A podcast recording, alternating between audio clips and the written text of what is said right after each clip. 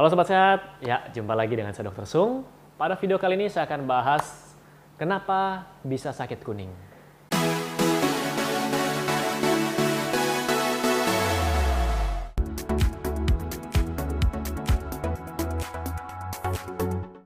Nah Sobat Sehat, jadi waktu saya baca di kolom komen ada yang nanya, dok kenapa sih mata saya kemudian kulit saya berubah jadi kuning?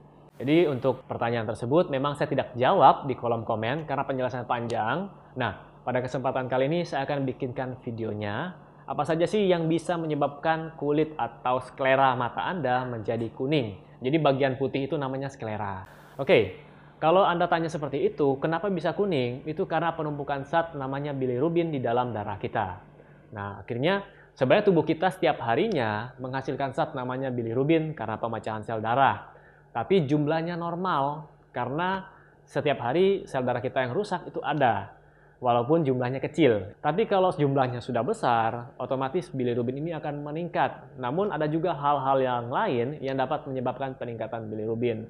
Nah, di sini saya akan bagi tiga kategori. Yang pertama adalah prehepatik, kemudian yang kedua intrahepatik, dan yang ketiga posthepatik. Apa itu dok? Nah, kita bahas yang pertama dari prehepatik. Jadi kalau kita katakan prehepatik, itu di mana bilirubin sebelum dirombak di hati. Nah, di sini biasanya karena banyak sekali pemecahan dari sel-sel darah atau kita sebut dengan hemolisis, ya sel-sel darah merah. Ini akan menghasilkan bilirubin. Sebenarnya ini akan diproses di hati, tapi karena jumlahnya yang sangat banyak, akhirnya bilirubin ini beredar di dalam darah dan menyebabkan kita menjadi kuning. Nah, kondisi ini bisa terjadi pada mereka yang mengalami malaria, kemudian anemia bulan sabit, lalu talasemia, dan juga terjadi pada mereka yang kekurangan G6PD. Nah, jadi G6PD ini adalah glukosa 6-fosfat dihidrogenase, di mana pada kondisi ini terjadi banyak uh, sel-sel darah merah yang mengalami pecah.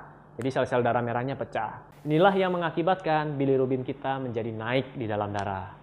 Kemudian yang kedua adalah intrahepatik. Nah, kalau kita katakan intrahepatik, berarti ini ada gangguan pada organ hati dalam memproses bilirubin tadi. Nah, biasanya disebabkan karena infeksi virus. Jadi hepatitis misalnya, hepatitis A ini paling sering menyebabkan penyakit kuning. Kemudian ada kanker hati, ada sirosis, kemudian bisa juga disebabkan karena alkohol atau obat-obatan. Akhirnya hati tadi, sel-sel hati tadi yang tugasnya merombak bilirubin itu tidak dapat bekerja dengan baik. Akhirnya bilirubin juga akan meningkat di dalam darah.